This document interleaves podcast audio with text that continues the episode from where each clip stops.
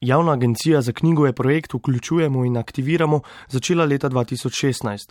Zakaj so se odločili za projekt, ki vključuje ranljive skupine, koordinatorka projekta Mojca Brgant Dražetič? Zato, ker se nam je zdelo prav, da kakovostna slovenska literatura pride tudi v krog oseb, um, ranljivih družbenih skupin, ki so bile mogoče strani tega um, branja in um, literature prej oddaljena.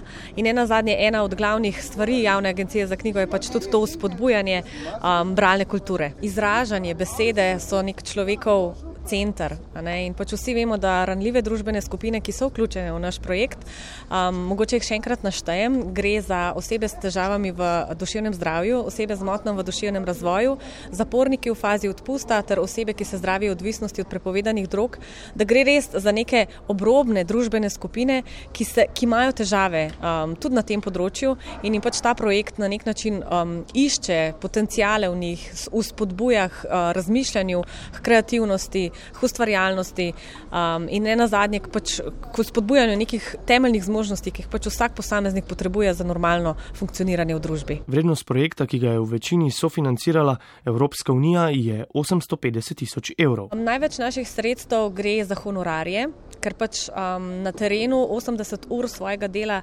upravijo slovenski pesniki, pisatelji, ki so mentori po, po pač skupinah.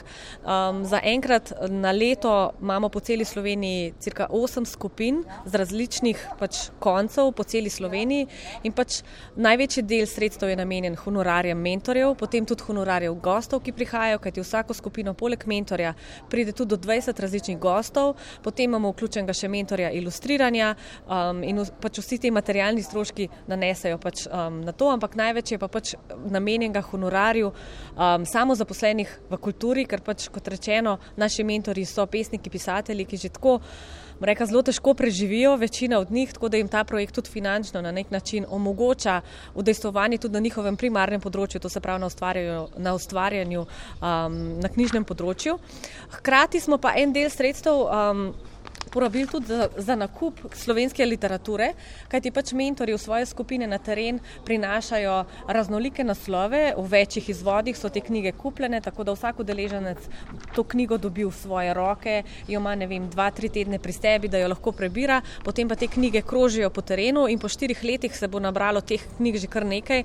Zdaj po enem letu in pol imamo že več kot 40 naslovov teh knjig kupljenih, zaenkrat so še, bom rekla, v naših rokah, ker krožijo po terenu. Po koncu izvajanja projekta pa bomo v bistvu z vso to kvoto knjig, ki se jo bo nabrali res veliko, obogatili tudi zaporske knjižnice, knjižnice centrov za usposabljanje in tako naprej. Tako da bo tudi to nek tak, reka, končni doprinos um, tem ustanovam, ki sodelujejo. Ena izmed mentoric pri projektu je tudi igralka, pisateljica in pesnica Nataša Konc Lorencuti, ki pravi, da je pristopila najprej z rahlim strahom in vznemirjenjem. Ker uh, sem strastna, čutim veliko strast do besede, čutim veliko strast do branja in pisanja.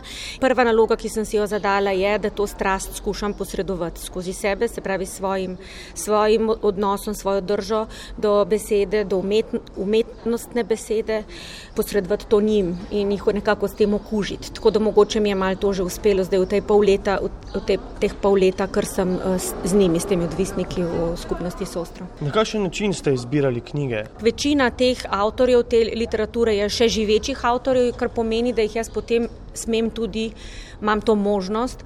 Um, v tem proračunu predviden, so predvideni obiski teh pisateljev v skupnosti, ki njihove knjige prebira. Tako da to njih zelo motivira.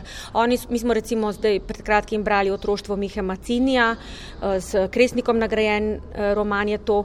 In, smo, in so oni, ved, bolj ko se je približval obisk Mihov, bolj so oni to brali, in, ker so tako težko čakali, da avtor pride in da bodo vedeli, kaj ga vprašati, so se res potrudili in so roman prebrali. Oni so bili tako rekoč nezavestni leta in leta. Tukaj v tej skupnosti jih je zelo malo mladih. So, recimo, eden je, ki je zelo mlad, kar uh, verjetno pomeni, da so njegovi starši zelo hitro reagirali, ampak uh, so ljudje, ki so stari čez 30 let, to ni več rosna mladost, ki so se začeli drugirati pri 15 letih, oni imajo za sabo 20 let uh, življenja z drogo, kar si lahko seveda vsi predstavljamo, da to ni življenje, da, to, da so bili popolnoma odtrgani od zdravih odnosov, od literature, literature, od kakršnega koli izobraževanja.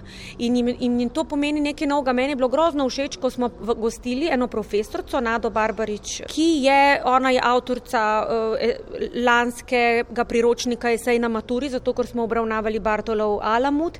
In ona je z takim zagonom govorila o zadju zgodovinskem tega romana, kako je to nastajalo, kaj je Bartol mislil, kako se je Bartol za to idejo zagrel in tako govorila o tem, kako ona to maturantom razlaga, da, da, so, me, da so začeli pol na koncu spraševati oni, kako se maturo naredi, kako se prijaviš na maturo. Mislim, meni je bilo to grozno všeč. To ona je vzbudila v njih željo potem, da bi se nekaj še naučili, da, ne bi, da, da bi res začeli na novo živeti.